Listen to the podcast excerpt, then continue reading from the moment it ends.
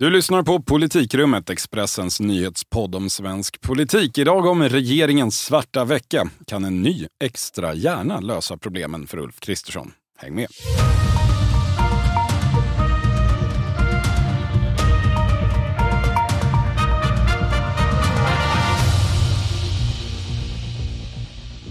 Det är tisdag den 31 januari och Sveriges ledande tisdagspodd sammanträder på ordinarie tid, otroligt nog. Jag heter Viktor Bartkron och är politisk kommentator här på bygget och med mig som alltid Expressens allvetande politikreporter Thomas Nordenskjöld. Hej! Hallå, hallå. Känns nästan som att det var igår vi sågs här. Ja, och det var det nästan. Det var i eh, torsdags i alla fall. Mm. Men eh, det är mycket rörlig materia i politiken just nu så det är väl lika bra att vi kör på, tänker jag. Absolut. Då gör vi så. Den mest rörliga materian av alla och eh, dessutom den hetaste och enligt många den viktigaste gäller ju den svenska ansökan om medlemskap i Nato. Först kan vi konstatera att Sverige inte har gått med i Nato den här veckan heller. Förhandlingarna med Turkiet, om man nu kan kalla det så, de ligger på is. Presidenten Erdogan i Turkiet han har varit ute och pratat om att släppa in Finland ensamma, men Finland har å sin sida markerat att de fortfarande vill gå med tillsammans med Sverige. Just så. Här hemma har Ulf Kristersson bjudit in samtliga partiledare till möte om läget, någon slags krismöte om processen och när det gäller säkerhetsläget i stort och hot som eh, nu riktas mot Sverige. Just det. Detta äger rum nu, i, eh, nu på tisdag kväll. Alltså. Eh, regeringen har eh, annars varit ovanligt tyst de eh, senaste dagarna, i alla fall utåt. Hur låter det inåt kan man ju undra då. Ja, men alltså man ligger ju medvetet lågt här. Det är väl eh, en allmän insikt om eh, att det har varit väl många utspel och att det nu handlar om att ha mer is i magen. Men alltså, annars skulle jag säga att det är förvånansvärt hoppfullt ändå faktiskt signalerna från regeringen alltså kring NATO-processen trots allt. Alltså, det är inte alls uppgivet som man skulle kunna tro med tanke på Erdogans utspel. Mm. Alltså, utan enligt mina regeringskällor, eh, de, de uppger att liksom, de man fortfarande räknar med att Sverige kommer kunna kunna gå med i Nato tillsammans med Finland i samband med NATO-toppmötet där i Vilnius i juli. Och det är ju, framstår ju utifrån sett som en något vågad slutsats. Och då undrar man såklart, vet de något som vi inte vet? Eller rättare sagt, vet de något som ingen annan i hela världen vet? Ja, alltså man får väl nästan utgå från det. Alltså dels hävdar mina regeringskällor att eh, regeringens och Tobias Billströms relationsbyggande med, med Turkiet ändå går bättre än vad det, vad det verkar som i media. Och att eh, eh alltså man verkar helt enkelt utgå från att Erdogans väldigt konfrontativa retorik mot Sverige just nu riktar sig mot då opinionen och en del av valkampanjen. Men när valet då väl är över där i maj i Turkiet så kommer det låta helt annorlunda, tror man. Vi får väl se. Alltså, men man understryker hela tiden att det inte finns någon plan B. Alltså, Sverige ska med i sommar. Det där är ju lite intressant eftersom ja, man brukar ju säga att en nyckel till eh, framgång i förhandlingar är just att alltid ha en plan B. Att ha alternativet att faktiskt lämna bordet. Men här får man säga att man testar en annan strategi då Mm. och det blir ju intressant att se hur den slutar av väldigt många olika skäl. Ja, men det blir det verkligen. Ja. Eh, vi pratade också i torsdags eh, om hur Sverigedemokraternas svingande runt eh, koranbränningen och den allmänna krisen med Turkiet, hur, hur deras agerande har tärt på relationen Mm, med regeringspartierna. Har vi haft någon utveckling på den fronten? Ja, alltså Sverigedemokraternas, ja, men he- hela deras agerande under den här krisen har ju, har ju väckt en hel del ont blod i Moderaterna och regeringen. Det är tydligt alltså att Jimmie Åkesson valde att ta offentlig strid mot, mot Ulf Kristersson i det här väldigt känsliga läget och dessutom då eldade på konflikten med Turkiet, har gett upphov till en, en del kontakter mellan Sverigedemokraterna och Moderaterna har jag hört. Alltså från Moderaterna har man på hög nivå satt sig ner med Sverigedemokraterna och informerat dem om läget för att få dem att förstå hur allvarligt läget är. Mm, skam den som ger sig får man säga. Eh, Ja. in- Informationsbrist eh, eh, är det man tror det här beror på. ja, alltså. Nej, men precis. Nej, men annars, eh, om man pratar med moderater så beskriver de det lite som att det är upp till bevis för Sverigedemokraterna nu. Alltså, nu har de fått chansen eh, att få vara med, att sitta inne i regeringskansliet, att det är det närmaste vara ett regeringsparti. Och då gäller det att Sverigedemokraterna inte sumpar det, som man beskriver det. Alltså, och, och att då sabba NATO-processen vore att sumpa sin chans, som en moderat jag pratade med beskrev det. Eh, så här finns liksom en tydlig förväntan från Moderaternas sida nu att Sverigedemokraterna ska rätta in sig i ledet. någonstans förutsätter ju det här resonemanget att Sverigedemokraterna då ändå vill gå med i Nato. Eh, kanske inte lika, men nästan lika mycket som Moderaterna. Eh, mm. det, det, vill de ju visserligen formellt, eh, men bara sedan nio månader tillbaka eller något i den stilen. Jag minns inte exakt när de bestämde sig. Det var väl något innan Socialdemokraterna gjorde det. Men det finns ju fortfarande en del frågetecken, eller rättare sagt fler och fler. Nu i helgen så läste jag exempelvis i Samtiden, som är en eh, nättidning som Sverigedemokraterna äger. Där skrev chefredaktören Dick Eriksson om hur han själv började luta åt att Sverige borde dra tillbaka sin NATO-ansökan eftersom NATO inte står upp mot Turkiet. Ja, men det där är lite intressant ändå. Det borde i alla fall vara det. Alltså Dick Eriksson är ju Sverigedemokraternas absolut mest profilerade eh, opinionsbildare ute i offentligheten. Han är avlönad av partiet, han jobbar som utgivare för de partiägda medierna. Alltså i alla andra partier så hade ju det här tolkats som en signal om att det händer någonting här. Partiet eh, är förmodligen på väg att, att förflytta sig, att svänga. Men Sverigedemokraterna brukar ju eh, i regel mm, mena att de inte har något att göra med sina företrädare. Eh, så jag antar att man kommer att vifta undan det här också. Man påpekar ju ofta från moderat håll också att, att just det med att Sverigedemokraterna svängt om EU och även nu om Nato, att det har, alltså det, det har varit väldigt viktigt. Alltså inte minst för Ulf Kristersson inför att man skulle inleda det här samarbetet. Och det är också en, en grundförutsättning för att Sverigedemokraterna ska släppas in i regeringen på sikt, vilket ju är en ambition som SD och Sverigedemokraterna, alltså som Sverigedemokraterna har. Eh, att man håller fast vid den här nya linjen, tror jag. Men alltså, det vi ser här är ju ändå att liksom SDs nationalism, som ändå partiet eh, ändå liksom vilar på idé, idémässigt, spökar lite här. Och Sverigedemokraterna är ju i grunden emot den här typen av organisationer, i synnerhet EU, eh, eh, som Sverigedemokraterna verkligen avskyr. Ja, det är ju en lite spretig bild där. Eh, när det gäller just EU så har ju Sverigedemokraterna också blivit samlingsplats för den kritiska opinionen, alltså den den mm. kritiska opinion mm, som finns mm. kvar bland de svenska väljarna. Det är ju inte jättemånga längre. Men så är det ju inte riktigt med Nato. Det är ju fortfarande en vänsterfråga att vara emot Nato. Sverigedemokraternas väljare är och har varit betydligt mer NATO-positiva än vad partiet självt brukade vara. Eh, och kanske än vad de fortfarande är. Ja, men så är det verkligen. Ja, men när det gäller Socialdemokraterna, som ju också är en part i det här målet eh, på ett eller annat sätt, ja, då fortsätter det som tidigare, nämligen med offentliga nålstick som tangerar NATO-processen. Igår måndag så var Magdalena Andersson ute i Svenska Dagbladet och påtalade det olämpliga i att Ulf Kristersson väljer att samarbeta med Sverigedemokraterna i det säkerhetspolitiska läge som råder. Och när reporten då undrar vad hon tycker att Ulf Kristersson borde göra istället, ja då är det inte lika tydligt. Men det framgår ändå mellan raderna att Andersson generöst erbjuder sig att eh, bilda och leda en annan regering. Precis eh, som hon har gjort sedan valdagen. Vi är specialister på det vi gör, precis som du. Därför försäkrar vi på Swedea bara småföretag, som ditt. För oss är små företag alltid större än stora och vår företagsförsäkring anpassar sig helt efter firmans förutsättningar. Gå in på swedea.se företag och jämför själv. Hej, Synoptik här. Hos oss får du hjälp med att ta hand om din ögonhälsa. Med vår synundersökning kan vi upptäcka både synförändringar och tecken på vanliga ögonsjukdomar. Boka tid på synoptik.se.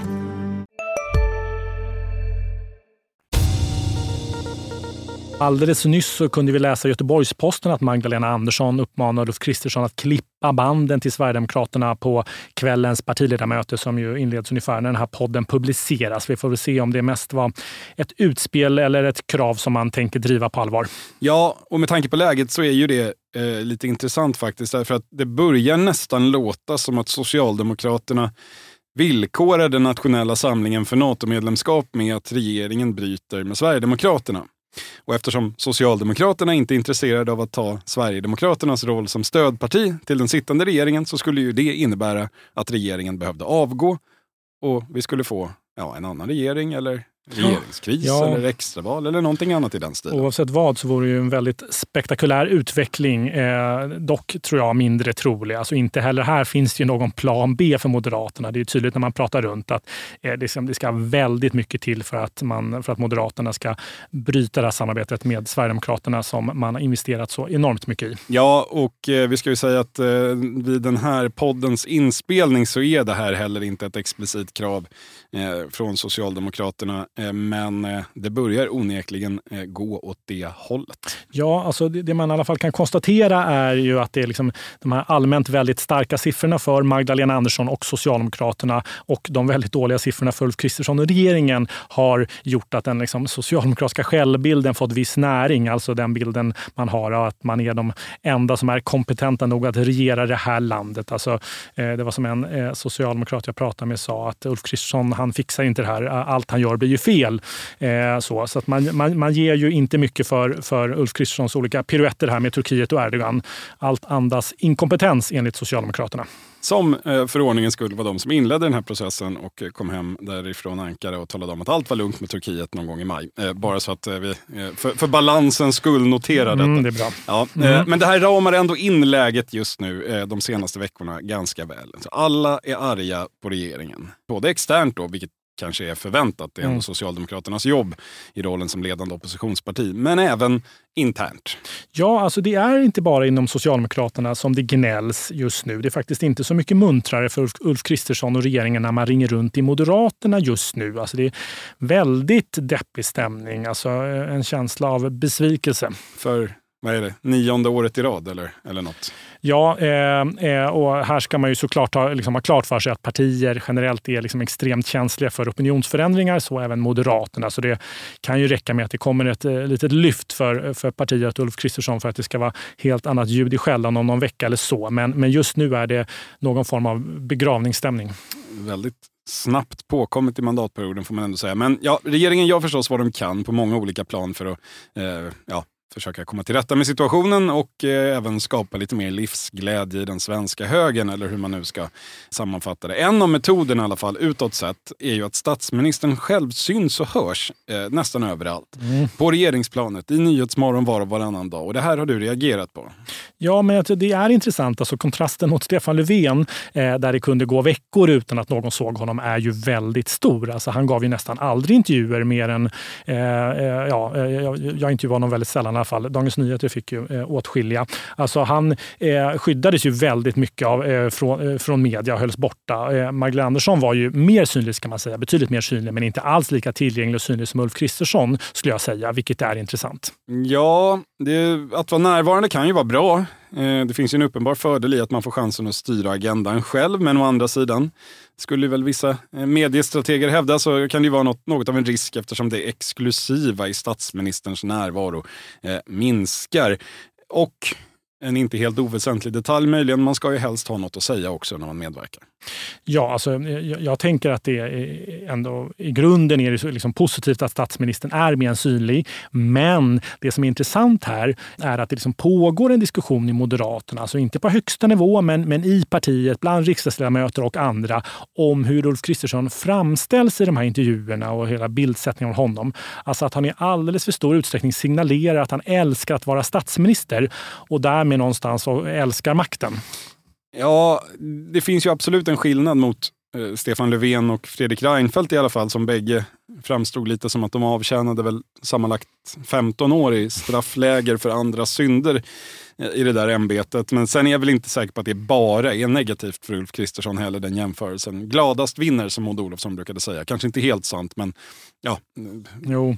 säck och aska kanske inte alltid är klädsamt. Nej, men alltså även Magdalena Andersson gav ju liksom aldrig bilden av att hon, att hon äh, älskade uppdraget. Alltså, äh, hon packade väl aldrig riktigt upp flyttkartongerna på Sagerska, har jag för mig att jag läst. Alltså, eh, Kristersson däremot har ju redan hunnit ha fester och massa mottagningar på Sagerska palatset där han bor. Det här har ju eh, Socialdemokraterna noterat. Alltså jag får ibland sms från socialdemokrater som påpekar att nu är det fest på Sagerska igen. Ja, man kan, man, man kan ju kanske undra hur många fler än nyavgångna socialdemokrater som egentligen håller koll på hur ofta det är mm. fest på Sagerska. Mm. Kanske ingen folksport i alla fall. Men, Nej, ja. eh, som tur är kanske. Men det är ändå intressant. Eh, alltså något som ändå är intressant tycker jag är att rätt många moderater också stör sig ändå på det här en del. Alltså, det gillar inte bildsättningen av statsministern. Alltså, det flera pekar på är liksom kontrasten mot Fredrik Reinfeldt. Alltså han, han reste ju mycket han också. En gång i veckan hade han en resa i landet vill jag minnas. Alltså, och något man då gjorde en ganska stor grej av. Det var till olika kvinnokliniker och vårdinrättningar för våldutsatta kvinnor.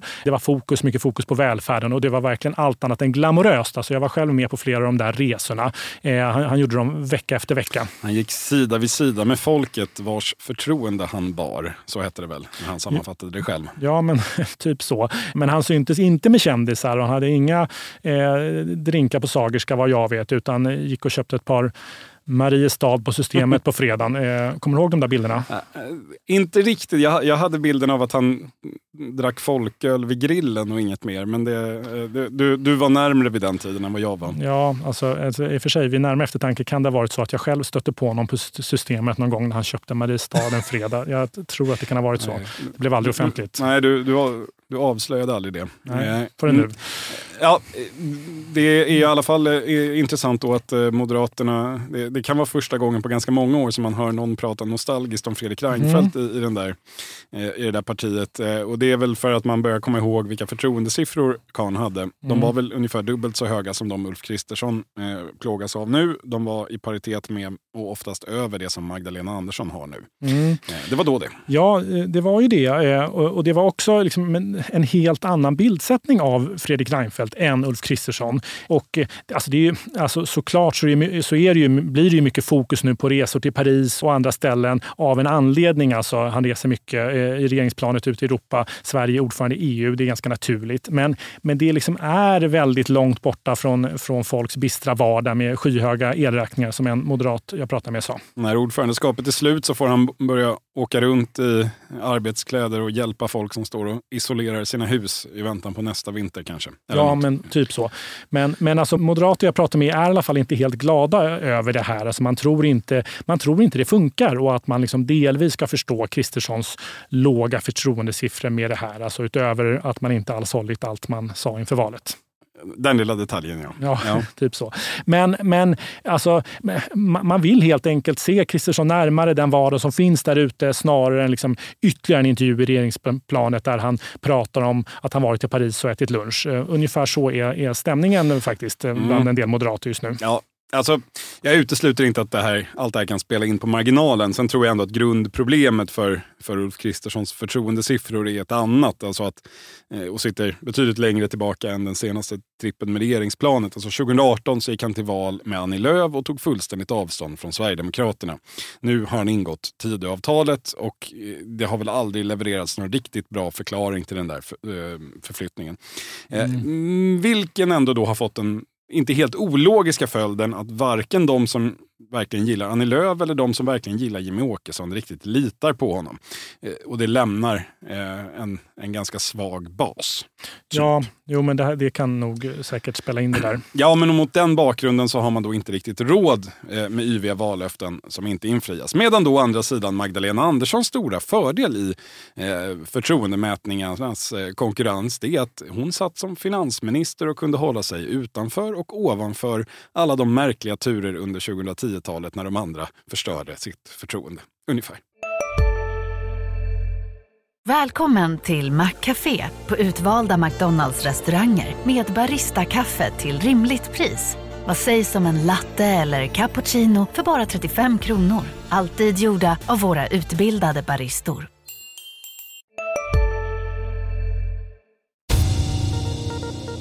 Ja, när vi spelade in vår senaste podd i torsdags då konstaterade vi att den ålfiskande statssekreteraren PM Nilsson han hade fått sin chef Ulf Kristerssons fortsatta förtroende och att han därmed såg ut att kunna rida ut stormen. Vi diskuterade också varför det hade blivit så. Ja, den diskussionen åldrades mindre bra. Ja, den åldrades väldigt snabbt. Eh, några timmar efter att avsnittet släpptes vid klockan nio i torsdags kväll, ja, då kom istället beskedet att PM Nilsson avgår. Han hänvisade själv till att en ny utredning som gäller artskyddsbrott eh, hade börjat eh, och att situationen sammantaget gjorde det svårt för honom att göra ett bra jobb. Det var något vagt i konturerna exakt vad det var som fällde avgörandet. Ja, men ungefär så. Ja. En sak hade vi i alla fall rätt i förra gången.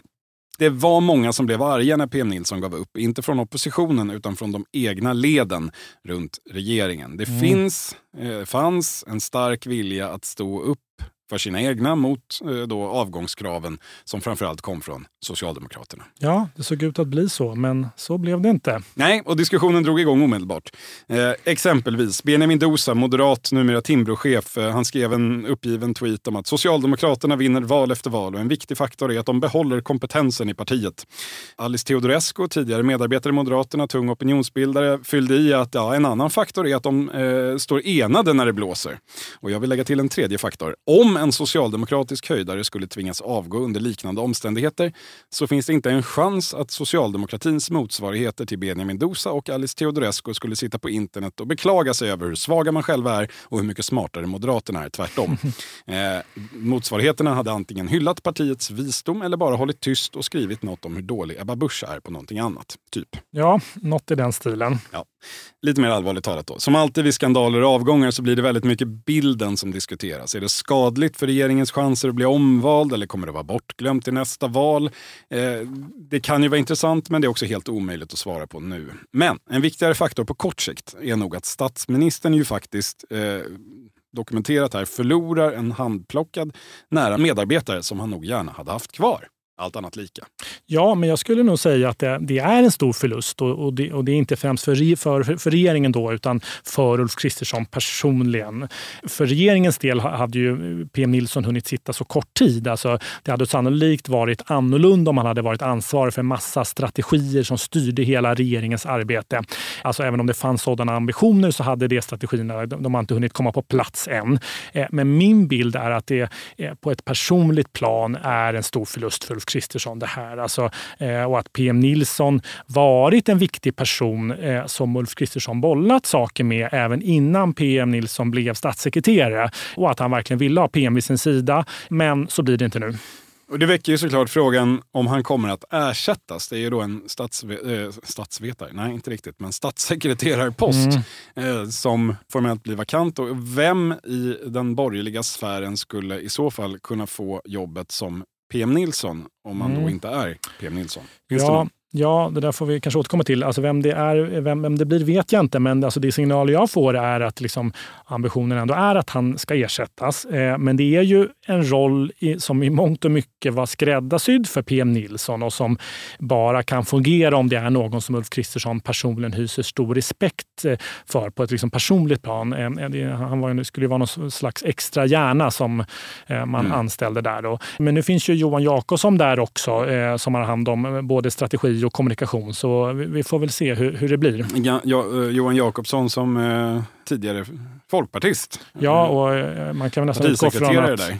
Även PM Nilsson var folkpartist. Det är många folkpartister i statsministerns närhet. Får se om man hittar någon ny folkpartist. Kanske en kvinna den här gången. Det är ju väldigt många män. Ja, det har noterats här på sistone också. Nu blev man av en. Eh, så mm. känner du en, eh, en kvinnlig folkpartist en kvinnlig folkpartist med en användbar extra hjärna som eh, har Ulf Kristerssons stora respekt, hör av dig till statsrådsberedningen. Det finns en lucka att fylla. Vi får se hur det går med den rekryteringen, när den börjar och hur den slutar. Vi får se hur det går med väldigt mycket annat som vi har pratat om idag och som vi inte har pratat om idag. Centerpartiets extrastämma och kommundagar i Helsingborg exempelvis. Dit ska vi däremot snart. Ja, nu på torsdag är tanken. Det blir spännande. Eller kanske inte. Vi får se. Ja, kanske både och. Mm. Än så länge talar ju allt för att eh, Muharrem Demirok blir vald till Annie Lööfs efterträdare. Han är den enda kandidaten. Men det finns ju annat som kan vara intressant att prata med folk om där nere, ja, men, vi. Ja, men verkligen. Alltså, Centerpartiet har ju en hel del att fundera på när det gäller framtiden och vägvalen och så. Vi får se hur långt det har kommit med de där tankarna. Ja, det får vi. Och så får vi se om det finns något att återrapportera nästa gång vi hörs i den här podden. Vi siktar på att vara hemma i god tid före nästa tisdag och i så fall så sänder vi igen då den 7 februari. Men nu evakuerar vi politikrummet för den här gången. Tack för idag Thomas Nordenskjöld. Tack, tack. Och tack till er som orkade lyssna ända hit. Hörs igen om en vecka. Hej, hej.